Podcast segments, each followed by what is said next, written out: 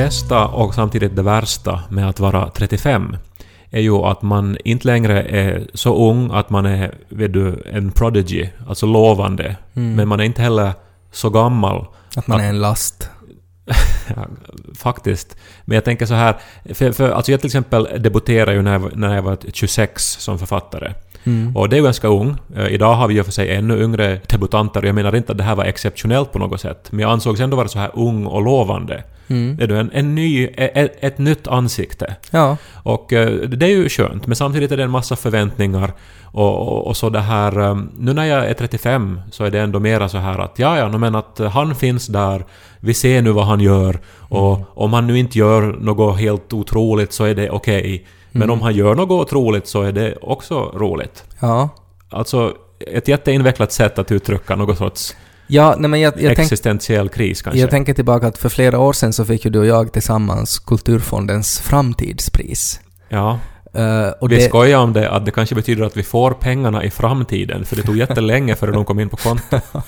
men, eh, men det ju sätter ju också alltså ett litet krav på sådär att, att, man, att ni kommer nog, ni, har, ni är liksom framtiden. Men om man sen inte gör något då, så känns det ju dumt. Ja, Nu har vi ju gjort saker efter det också, men man vet ju inte liksom förväntningarna på att man är framtiden så är ju ganska höga. ja, men det är just det här jag menar. Det var för ett par år sedan så var det ju eh, på QX Gay-gala så blev Ture Boelius utsedd till Årets Homo. Mm. Och eh, det här var då kontroversiellt eftersom han var 16 år när Mm. han utsågs till Årets Homo. Ja. Eh, Boelius är ju idag någon sorts artist, men han är väl framförallt en Han är YouTube-kändis. YouTube-kändis, ja, från Mm. Åbo. Och eh, det, det, det som no, det var ju förstås många såna här konservativa som överhuvudtaget var arga för att det fanns homon. Eh, men som tyckte då att det är hemskt att utse en 16-åring, vet du, som ännu kanske söker efter sin sexualitet och så här. Ja. Eh, liksom att man ska måste axla en sån roll. Mm. Alla som har sett Ture på YouTube så vet ju att han är väldigt självsäker nog i sig Mm. själv och att han väldigt länge har varit väldigt självsäker i sig själv. Jag har ju träffat honom också. Han är ju alltså... eh, jag vet inte, att han- betedde ju sig som en... Som, som att han skulle kunna ge en anställning när man träffar en. Att han har ett, liksom ett sånt självförtroende och utstrålning. Ja, ja men, men och jag menar alltså när jag var 16, nu visste jag ju att jag, alltså minns, nu visste jag ju vad jag tände på. Mm. Alltså klart att nu har jag ju lärt mig mycket mera, men det visste jag ju nog att jag var gay. Mm. Nå ja. Men nu är det ändå en ny nivå här. Mhm. För att nu, eh, jag vet inte om du har hört om den här församlingen i Sverige, Limhamns kyrka.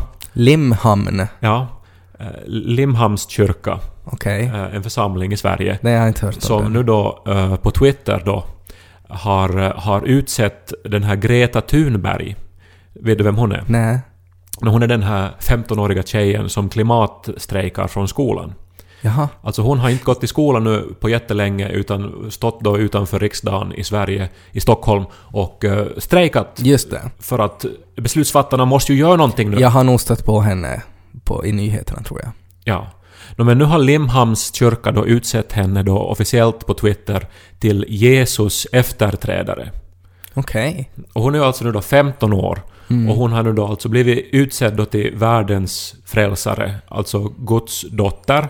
Och, alltså att, att i princip att hon i framtiden ska dö för våra synder. Ja, ja, alltså den, den Eller det nya, förväntas det. Den nya kyrkans ledare. Ja. Och jag tänker, det här är ändå något nytt alltså. Alltså en, en ny eh, nivå av, ska vi säga, krav och förväntningar. Så är det. det. Ja, något helt annat än årets homo är det ju.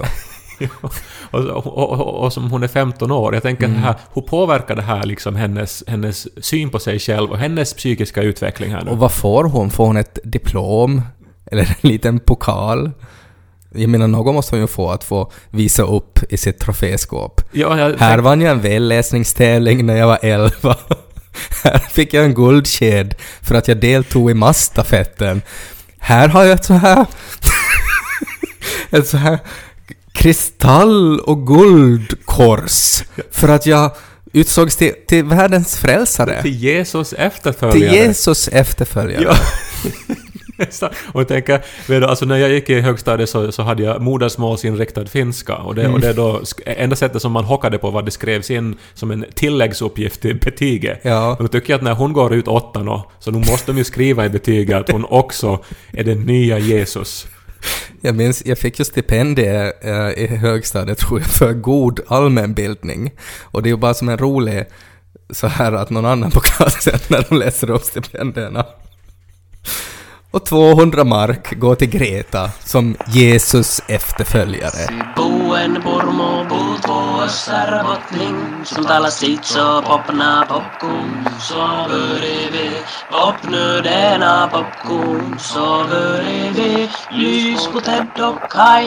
Men så här på tal om influencers. Och, och Ture han är ju en influencer. Jag tänkte du menar Jesus? Jesus är ju, jag menar, det är väl inte alls otroligt att om eh, han skulle återvända, att han skulle vara en influencer. Ja, men han idag. var ju redan, jag tänker alla, han hade ju liksom följare, och- okej, Ja, ja. Bara, bara 12, Mm, men att sen blev det han ju ha, många fler. Nu ska han ha 12 000 kanske. Ja, Och ett så officiellt konto på Twitter. Men, eh, men det är ju intressant bara det här, och, och, och om vi återgår också lite till, till religion och sådär, så jag menar hela den här äh, mässlingsepidemin i Larsmo. ja, Så det är ju på grund av influencers. nu måste vi väl säga att ännu är det ju ingen epidemi, utan det är väl, Ja. alltså när vi bandar det här i alla fall så finns det bara ett bekräftat fall, Mm. men man har ju vidtagit alla möjliga åtgärder för att hindra att det ska... Det känns ju sådär att när man på riktigt sätter barn i karantän, så då är det ju sådär, det är inte ett gott tecken. Men bara det som jag börjar fundera på, eh, och som jag har tänkt jättemycket på, så är ju det här att jag har ju någon gång tidigare i den här podden pratat om att, att, vi inte, att social media var inte så jättebra för arten människan. Eh, och det är mycket som tyder på det, att, att det, liksom, det fuckar upp oss lite. För att vi är såna såna flockdjur och är så lätt påverkade och att det är inte liksom meningen att vi ska leva i så här stora samhällen som vi gör Ja, men samtidigt kan man ju säga att inte var ju heller uppfinningen av eh, alkohol bra för den mänskliga arten, eller inte var ju heller uppfinningen av vapen och krut bra för den mänskliga arten, samtidigt som det också förde arten framåt. Mm. Ja, men social media har på något sätt en, en extra roll i det att det påverkar så mycket våra beteenden. Jag menar, det gör ju alkohol och vapen också, men det är ändå liksom fysiska saker. Eh, det är mer på något sätt det här hur vi, hur vi liksom tänker som grupp. Det är det som, som jag tror att, att vi har liksom märkt att vi är mycket mer lättpåverkade än vad någon någonsin hade trott. Eh, och det känns ju på något sätt som att eh, det farliga med det här är ju när, när det oftast är människor som, som inte är så smarta som blir de här största influerarna. Ja, men det handlar ju om karisma förstås, och Ja. så har det ju alltid gjort. Och nu Ja. har ju de som har karisma har ju bara en, ett jättestort torg som Men är så... varför är det, det, alltså det är ju det som är så dumt. Alltså jag tycker att Darwin har ju faktiskt fuckat upp här evolutionen när han har gjort så att det är människorna med karisma som också tenderar att, att ibland inte ha de här smartaste åsikterna. Alltså de här människor som går igång på att att, att göra grejer som kanske inte är riktigt så här sant eller sådär, men att det kanske blir mycket views och klicks. Men samtidigt så måste man ju också se det ur ett längre perspektiv. Alltså, eh, vi, vi har ju bara vår livstid som vi kan ha som ett eh, vettigt perspektiv. Mm. Men nu är det ju, vad är det, eh, tio år sedan den här narkolepsi-grejen, när de då tog eh, vaccin mot någon influensa, jag minns inte vilken det var, och så Mm. ledde det till att jättemånga eh, drabbades av narkolepsi. Ja. Och jag är helt övertygad om att, att den eh, mockan eh, ligger bakom jättemycket av den här skepsisen som man ser. Ja, men, Men, men, att, men att det kommer att gå över. Ja, men att, att bara på något sätt att, att sådana där saker sprids. Jag menar orsaken till varför vi har en potentiell mässlingsepidemi i Österbotten just nu, så är ju för att vi har influencers som har på något sätt drivit en antivaccinkampanj. Och jag tror ju att om de här influencersen, influencersen, att om de skulle ha varit lite mera sådär smarta, ännu ett sätt att säga det på, men kanske fundera en extra gång innan man skriver vissa saker eller innan man håller med i vissa saker, så skulle vi kanske inte ha ett sånt här problem att vi måste sätta barn i karantän idag. Jag har tänkt en del för att nu, samtidigt som det här hände så hände ju den här händelsen dit i, i Andamanska havet, alltså att en amerikansk missionär for till en förbjuden ö, Mm. alla har ju hört om det här, och eh, blev ihjälskjuten med pilar då av infödingar där, Mm. eller ursprungsbefolkning. Mm. Och eh, det här... Nu nu har man ju förstås spekulerat då en hel del i varför de här mä- mä- mä- människorna på ön är så fientliga. Äh, Men en grej som man ju vet är att skulle de till exempel få en vanlig förkylning så skulle de ju dö för att de har inte motståndskraft mot äh, liksom moderna virus. Nej. För att de har levt så isolerade. Mm. Och jag, jag tycker det här hör ju som på något sätt ihop att, att där håller de här vaccinmotståndarna nu på liksom att, att skapa en egen ö åt sig. Eh, där de då småningom måste sitta då i karantän. Och till sist då, så att de ska överleva mot alla smittor då, så, så måste de ju börja skjuta med pilar då på alla som, som kommer dit för att, ja, för att se efter dem. Jag har funderat så väldigt mycket också från, från de här barnens perspektiv. Jag berättade ju i förra podden om hur vi gav bort uh, Los alla tuttar till ekorrarna. Ja, hur har det gått? Kan du ge en snabb update? Nej, inte går det nog bra inte. Det är nog fortfarande varje dag så, så är han arg på ekorrar och skulle hemskt gärna ha sin tutt tillbaks. Alltså han minns nog ännu att... Han minns att, nog ännu, han minns fortfarande sitt hat för ekorrarna. Men bara det att, att där hittar vi ju på en, en otrolig eh, bra historia till varför han inte ska ha tutt. Och jag funderar att, att hur säger de här människorna då som, som inte ger vaccin åt sina barn, att hon förklarar dem åt barnen liksom att de inte ska vaccineras när deras kompisar vaccineras? Att finns, finns det också någon sån här fin historia där med att jag, ser du, du får inte den här sprutan för att det är så att de här pungråttorna i skogen, så de behöver det där vaccinet istället. Vet jag, men man hittar ju på allt möjligt. Alltså nu, nu är det ju ingen direkt korrelation då mellan eh, re, re, religiositet och vaccinmotstånd, påstås det ju. Men inte det är ju en slump att Larsmo är den enda kommunen i landet där Kristdemokraterna är i majoritet. Det är ju mycket med de här väckelserörelserna just i den där trakten, så på något sätt så är det, tror jag, oundvikligt att det lite grann ändå hör ihop. Jag tror att man kan väl också sådär, jag menar det här är nu inte statistik som jag baserar någonting på, men att om man tänker Uh, människor som är benägna till att vara religiösa, så det skulle inte vara otroligt att tänka sig att sådana människor är också benägna till att lita på influencers mera, om, så länge det är rätt person som influerar. Så länge det är rätt person som skriver i sin blogg till exempel att hej, det här med vaccin, det är ju nog riktigt dumt det. Eh, så, så håller de med. Har de månne några influencers där på North Sentinel Island också? Säkert har de det. De menar ju att det bor ungefär alltså mellan 50 och 150 människor på den här ön. Och någon av dem måste ju vara den populäraste, som liksom alla tror på. Att då när hen då börjar använda liksom ett annat sorts penisfodral, eller vill du ha det ut och in, eller kanske en dag inte ens har De har inte, de har inte fodral, de har som, det ser ut ungefär som ett hårspänne som de har runt midjan och så har de penisen under den. Så att den står rakt upp. Det är ju den här otroligt sjuka historien också, som delvis förklarar deras, alltså det här folkets äh, fientlighet. är ju att på 1800-talet så var det ju en engelsman som då for till den här ön och tog med sig en massa människor därifrån och började liksom ställa ut dem i såna här erotiska poséer och fotografera dem och mätte deras penisar eh, och var väldigt fascinerad eh, sexuellt av just det här folket. Det är ju så sjukt sånt där. Och på något sätt att vi som art är ju så fucked up. Men det Att vi låter- gör såna där grejer mot varandra. Men det låter lite grann som, eh, vet jag, Lars Mobors idé om Helsingfors också.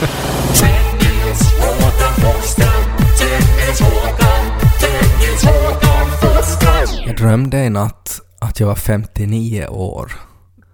Eh, och jag, det, jag, hade egentligen glömt bort att jag drömde det, men jag kom att tänka på det när du berättade, när du inledde med att vi var 35 och sådär.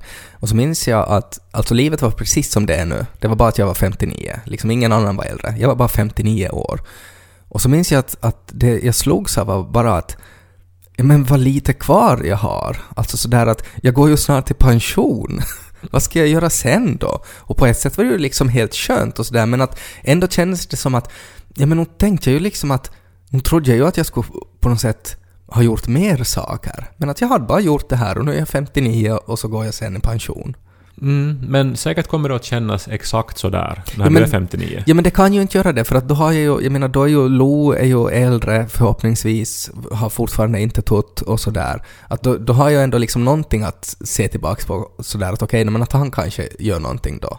Men att nu var det bara sådär att jag är 59 år ska jag orka föra Lo till dagis idag? Och sådär. Ja, men var det som att du hade på något vis vaknat upp som 59-åring? Nej, det var, det var bara liksom, jag befann mig plötsligt i ett scenario där Ted Forsström var 59 år. Och det fanns inte något jag kunde göra mot det. Ja, men inte är ju livet slut då. Jag var i Köpenhamn eh, i helgen och jag såg Paul McCartney spela.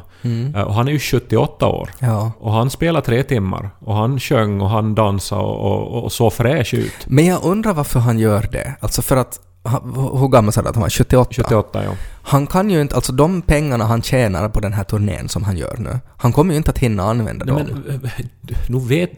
Vilken otroligt fånig liksom, analys av det. Eller varför skulle han göra det för pengar? Vem gör, vem gör nu någonting för pengar mera? Paul McCartney. Nej, varför? Han är ju den rikaste. Men om han inte skulle göra det för pengar så då skulle han ju inte, alltså, då skulle han ju se till att det går på plus minus noll. Då skulle han ju se till att alla teknikerna och alla som sköter turnén, att de får, vi tar bara inträde så mycket så att de får betalt. Ja, men, men ingenting åt Han honom. gör ju mycket till välgörenhet och så vidare. Vet du annars, alltså det var en tidning som hade räknat ut att, eh, alltså han har ju skrivit den här låten Simply having a wonderful Christmas time, det som nu spelas väldigt mycket. Eh, och eh, att de hade räknat ut att bara med royalties från den låten så skulle han kunna leva ett helt liv. Ja. Och då har ju han skrivit ungefär tusen andra låtar, bland annat hela Beatles-skatten och liksom en 30 år lång solokarriär och, och, och så vidare. Och ändå turnerar han, för att han vill ha mera pengar. Men Jag tycker bara det är hemskt liksom, för han har väl barn också.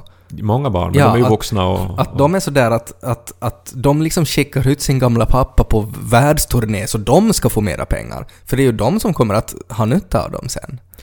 Skulle skulle du skicka iväg din pappa till Brasilien på turné så att han skulle kunna dra in pengar åt dig?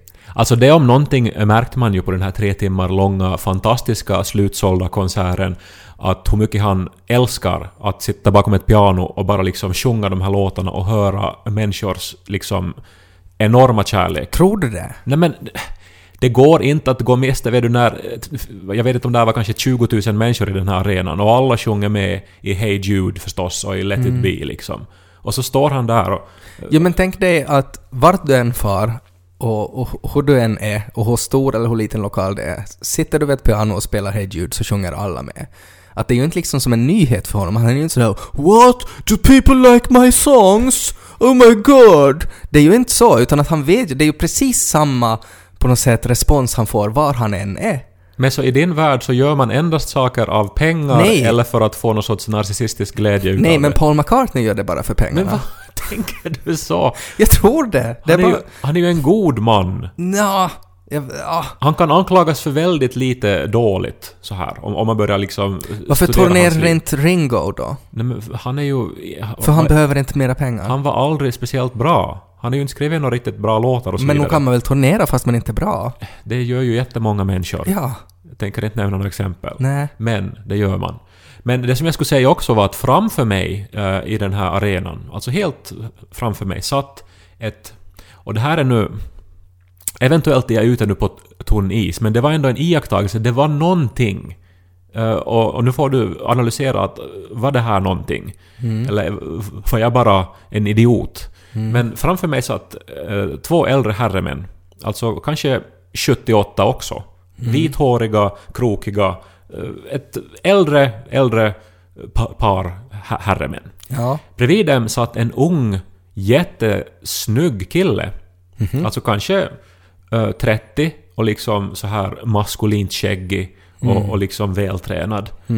Och uh, nåja, ingenting mer med det. Men plötsligt, mitt under konserten, så lägger den här ena vithåriga mannen sin arm runt den här unga killen. Och så är jag att okej, jaha, det är intressant. Och så börjar han liksom lite ta på hans axel och så här. Okej, jag tänkte just säga att kanske det var hans son, men kanske inte. Ja, no, ja, det var ju en massa undringar som, som väcktes. Men så får den här äldre mannens hand i den här unga mannens hår och började liksom massera hårbotten. Ja. Och så eh, mitt i allt la den här unga mannen sin arm eh, på eh, låret på den här äldre mannen. Ja. Och så, nåja, jag koncentrerade mig på konserten. Men jag var ju också så här att, ja men det här var ju ändå ovanligt Vad kanske. gjorde den där andra vithåriga mannen då? Nå, alltså inte så mycket. Alltså då och då så, så pratar de här äldre männen sinsemellan om någonting som hände på scenen och så vidare också. Eh, och eh, sen i, i något skede hade den här unga mannen sin fot eh, liksom i famnen på, på, på den här mannen som var ännu längre bort. Okej. Och, och så fick han lite fotmassage mitt under konserten. Det var snällt. Jo, jo, men, men som en, alltså... Jag vet inte, men det var nog något som jag bara inte kunde undgå att Vad var, se. det, vad var det för låt som de spelade när han började massera hans hårbotten? jag minns inte. Men det var var, det Come Together? Nej, men nu kommer twisten i det här då. Okej. För att sen när caken var slut, Så såg du att det var Paul McCartney. som gjorde så här med fingret mot dig. Och blinka. Det, så reser sig då det här äldre paret upp. Och då när den här, eh, eh, den här som då hade liksom masserat hårbotten och hållit, hållit om honom, vä- vände sig om. Så banne mig om inte det är en kvinna. I alla fall. Eh, fast jag är inte säker. Alltså det, det, det, var, det var väldigt oklart. Men alltså, Många äldre människor är ju så. Alltså, Ja. de, blir ju, de blir ju lite könsneutralare med åren. Ja, så, så är det. Eh, Men att eh, också liksom det här hen då hade liksom eh, en brosch exempelvis. Som, som, som alla kan ha gi- givetvis. Men som kanske jag, tenderar att vara mer feminina nog. ja, och speciellt liksom när det handlar om äldre människor så, så är det ju att man, man, man... De kanske då en hel del Och klär det- sig mera könsspecifikt. Och du är säker på att det var en brosch, att det inte var någon sån här medalj från kriget? jag, jag iakttog den inte. Men, men det, det som då... Alltså för att om det nu då var så att det här var då helt enkelt ett äldre heterosexuellt par. Ja, Alltså, med sin eh, son. Med sin son. För det är mer okej att mamman på något sätt masserar hårbottnen. Ja, men nej, inte, inte, nej, är det det? Är det nog det? Det beror på eh, vad för förhållande man har till sin mamma tror jag. ja, I Italien tror jag det är helt okej. ja, det här var Danmark. Men, men, men, men sen också liksom, om det då, för att då när det var liksom ett äldre uh, manspar och de hade då en ung kille eh, med sig, så då t- tänkte jag att okej, det här var ovanligt, men ändå inte jätteovanligt. Alltså för Nej. att jag, jag vet att såna här eh, parkonstellationer finns och liksom eh, ändå nice, liksom intressant och nice tyckte jag. Eh, Men sen, om, om det, det är så pass ovanligt ändå att man ser att det är vet du, mummorna som du har en younger lover, om det var en sån. Men varför är det så? Ja... Det, är ju, det beror ju på var man är. När jag var i Gambia till exempel, så var ju det man såg. Alltså uttryckligen mummorna med younger lovers. Och det är ju en grej liksom, alltså att mummon far dit. Eh, så, så det är väl kanske att man är bara mer ovan att se sånt. Ja, men och speciellt då om hon har med sig så då sin, sin, sin man, om de nu var gifta då. Och sen så håller hon också på att tar då på sin 40 år yngre eh, lover. Ja, Det, det, det, alltså, it's all good, jag menar de var alla vuxna människor, men att det är ovanligt. men det är ju framförallt tycker jag att det är ovanligt att de far på Beatles. Då. Att de inte far liksom någon annanstans och har lite kul. Men att man också kan vara ett sånt par och också fara på Beatles-konsert ibland. Men i efterhand ändå liksom uh, upplyftande att när man är 78 så, så, så går det både att eh, liksom stå på en scen och eh, ha t- 20 000 människor som bara älskar allt man gör. Eller så, så går det att ha en, en, en yngre, liksom otroligt snygg liten älskare, eller en älskarinna. Och att det liksom, livet tar aldrig slut. Men handen på hjärtat, om du inte skulle ha haft biljett till Paul McCartney i Danmark och så skulle det ha varit, du skulle ha varit på, på Tinder eller Grindr eller något och så skulle det ha ploppat upp ett äldre par som ser ändå liksom helt kiva ut och så skulle det ha varit sådär att, att, att vi fixar biljett till Paul McCartney åt dig, jättebra platser. Uh, enda liksom som vi kräver av dig är att vi lite får ge dig fotmassage och lite sådär uh, paja dig i håret. Nu skulle du väl ha farit med då? No, alltså väldigt hypotetisk situation. Ja. Eh, Men nu är det ju en, ett creepy erbjudande nog. Ja men du får ju se Paul McCartney. Vadå att de lite så här, förstör frisyren lite. Men vad skulle de få ut av det då? Alltså, Men jag- det spelar väl ingen roll, något sexuellt förstås. ja. Men det, det skulle inte kräva någonting, det är bara liksom att de får in public lite fotmassera dig. Och så får du bara liksom zona ut och se på Paul McCartney. Nå, inte det är en dålig deal inte. Men samtidigt så är det ju också lite metoo över det. Liksom att det är någon som då har ett ekonomiskt övertag. Mm. Som så att säga mot min vilja f- får mig att göra saker. Ja, det är ju jätteäckligt är det ju, men jag frågar bara om du skulle gå med på det. Nå, Paul, ja, för Paul skulle jag nog göra det. And to everybody here today who got the tickets from the creepy old couple who are um, sexually harassing you, I want to dedicate this song to you. Come together now!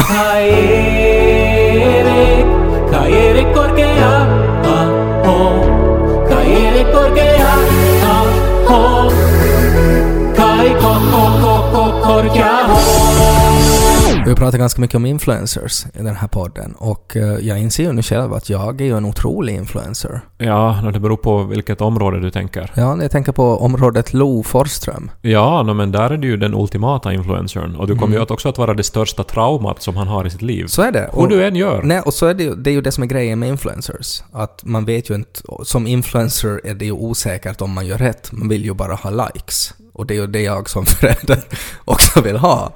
Jag vill ju ha liksom... Du vill väl också ha sponsorerbjudanden? Nej men det är ju sådär att om man tänker att om, om jag är en influencer så liksom på morgonen så, så skriver jag ett inlägg som heter Pappa och Lo ska gå till dagis och sätta på kläderna och det ska vara jättenice. Och så är det inga likes på det. och... Då måste du nog förbättra Ja. din, din, din Jo, liksom, och, retorik där. och då kan det vara pappa och Lo ska få till dagis, sen går pappa på jobb, eh, sen kommer pappa och hämtar Lo till dagis, sen får vi ut och köpa isglass! Och då kan det komma en like på det. Men det, det är inte liksom en sån här, han kommer inte att kommentera och skriva yeah och sätta skojiga giffar, utan det är liksom max en like. Och jag är liksom, jag, jag, jag lär mig att jag är okej med det. Men kanske nu det som, som jag inser att jag som influencer har faktiskt haft nu en, en stor grej är ju att det har ju varit lilla jul. Ja. Och plötsligt har vi det här problemet. Men vad gör vi med lilla jultomten? ja, nu måste vi kanske förklara här, för jag har lärt mig nog att det är väldigt få som firar lilla jul så som vi gjorde det i Österbotten. Ja, Alltså att man har en osynlig lilla jultomte som ger lite små presenter Mm. Ja. just dagen före första advent. mm, så är det. Både alltså, du har väl upplevt det så? Ja, Ja, jag har upplevt det så, Janika, min sambo, har upplevt det så. Så att vi bestämde att ja, men det här ska vi liksom influensa Lo till att han ska också få uppleva lilla jul. Men då var det ju väldigt så här... Alltså på något sätt det här steget i det här magiska tänkandet. Vi har ju, full, alltså vi har ju enablat det hos honom redan med ekorrarna och tuttarna. Och nu tänkte vi på något sätt att okej, vi fortsätter i samma spår. Eh, och så, så, så, så började vi då prata om att på lilla jul så, så är det då en lilla julstomte som, som har jätte, jättebråttom, så man hinner nästan aldrig se honom. Men att ibland så kommer han då till kvällen och kanske knackar på och slänger in några julklappar. okej. Ja. Ja. Och, eh, och så Vi valde att gå den här vi vägen. valde då. att gå den vägen för att det var ändå, det kändes som att, att det, var, det var liksom... känns ju ändå ganska 1900-tal. Det här att lura i barn. Ja, men, då det är nog det är roligt också, det, ja. Men, men skulle det heller kunna vara att då på lilla jul så då kommer din influencer pappa och mamma att ge dig presenter för att så gör man på lilla jul. Ja, alltså det, det är det man går miste om. Och det är det här som vi måste på något sätt hitta en sorts kompromiss till julafton nu. Alltså att jag tycker att det är liksom helt fine att jultomten kommer med presenter, men han kanske inte kommer med alla presenter. Kanske det är vissa presenter som ändå är från influencer pappa och mamma. Men att tomten kommer med någonting. Ja, det här låter fall. ju som jag tänker vet du, när de konservativa väckelserörelserna lite grann öppnar upp då att liksom att inte kanske nu man ändå far rakt till helvete om man, om man liksom inte har bekänt alla synder. Ja, Men att nog ska Ja, man ändå bekänna synder. det är en kompromiss och, och det känns ju som att det, det, är, ju- det är ju någonstans där vi kommer att landa sen på julafton. Men att nu på lilla jultomten så var vi all in. Att det är liksom lilla jultomten som kommer presenterna. Eh, och nu var det ju jätteroligt att se hans min när det knackade på. Och så får vi ut och öppna dörren. Och så var där en liten påse med små, små paket. Och, och just när han tog den så, så såg jag i, i, i rummet bredvid i fönstret hur någon sprang, tassa, tipptappa iväg jättesnabbt. Och Lo sprang dit men Lo hann inte se den. Och då hade ni fixat det här då? För jag menar, ni känner ju... Ni skulle ju inte be en granne göra det här. Nej, vi får bara ut och lämna presenterna utanför dörren. Och så när han var i ett annat rum så knackade vi på dörren. Och så får vi öppna. Det var inte så liksom, det var inte så svårt alltså. Ja. Eh, men eh, men det, var, det, det känns som att det var så värt det sen. Och sen när han öppnat paketen så stod han, eh, steg han upp i soffan och sa ”Tack, tack lilla jultomten”, sa han. Ja. Och det var ju lite roligt. Ja, men Och- tänk om man skulle ha sagt då tack, tack eh, influencer-pappa Ja. och så skulle han liksom ha delat inlägget. Ja, det, och det, är ju, det är ju liksom på något sätt det jag måste liksom ta nu då, men att det kändes ändå som det var värt det. Överlag tycker jag om det här konceptet med lilla jul, alltså att, att man på riktigt liksom späder ut högtider och faktiskt ska få ut av dem. Alltså jag tycker att man borde också ha lilla födelsedag, lilla påsk, lilla, liks- liksom egentligen allting borde ha som en liten, att man firar lite några veckor före. Lilla pingst. Lilla pingst. Det här litet mirakel. Något, något Helige Ande kommer och lite masserar ens fötter. Ted och Kai.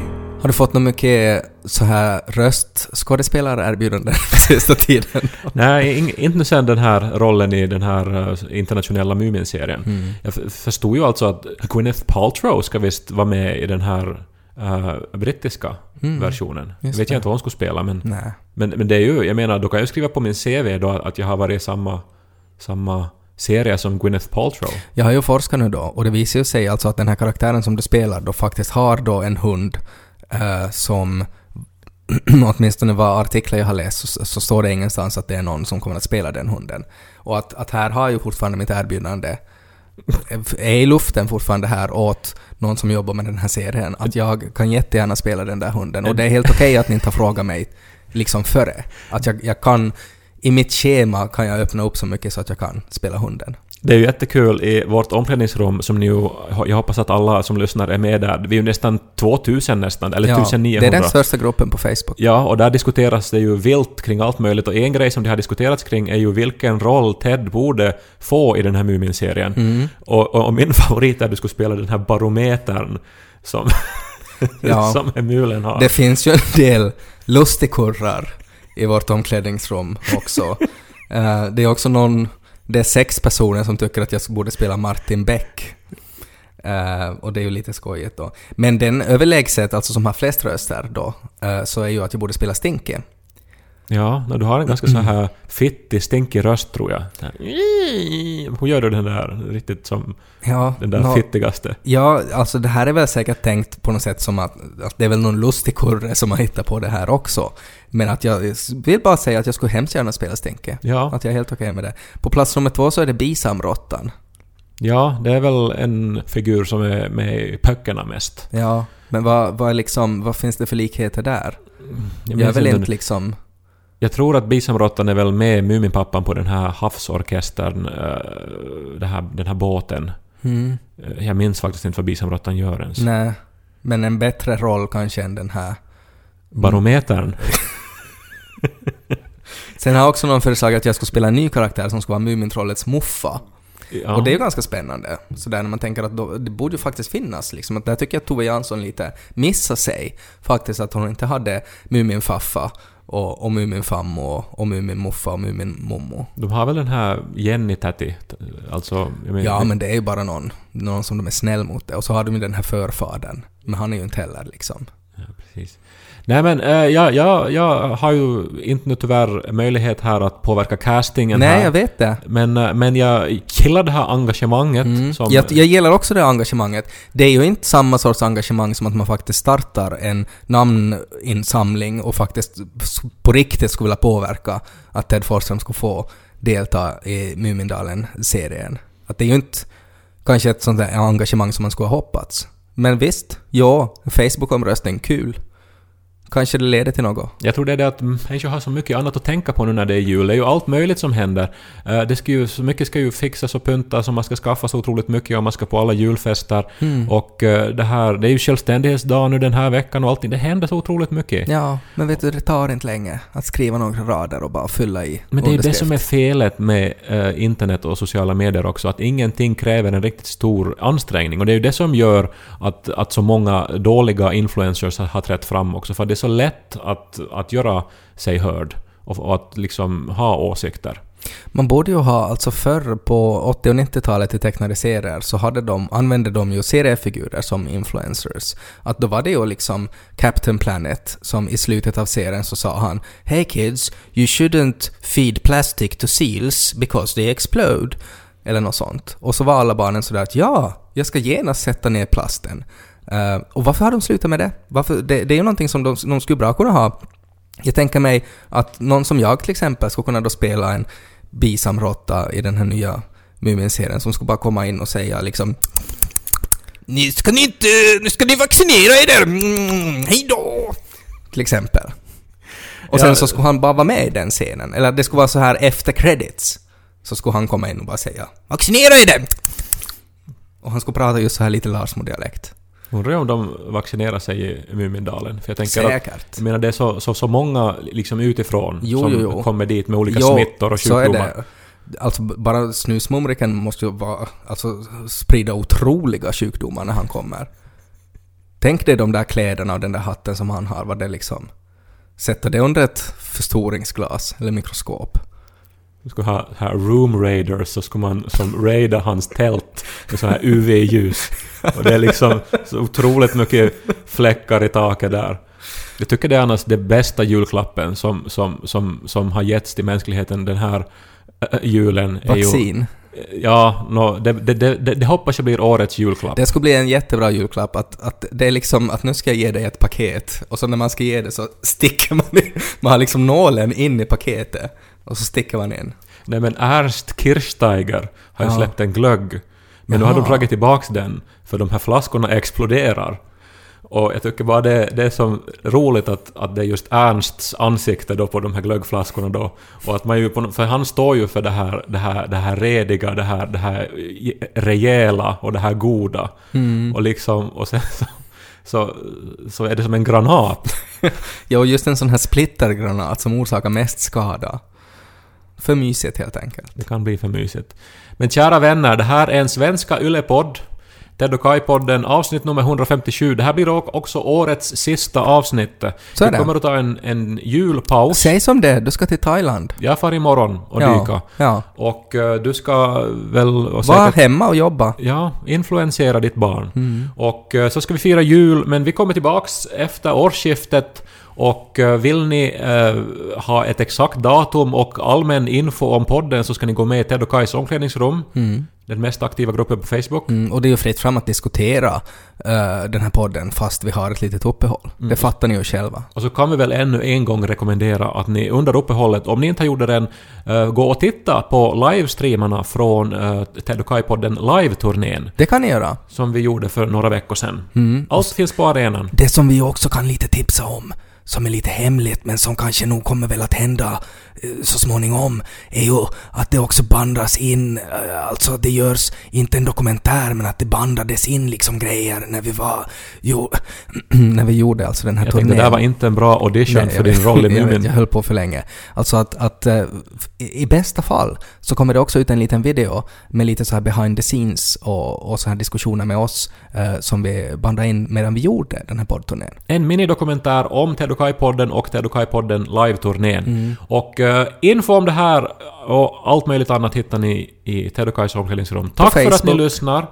Vi önskar er en god jul, ett gott nytt år och vad bättre sätt att sluta än ta en spruta i räven för medmänniskors skull.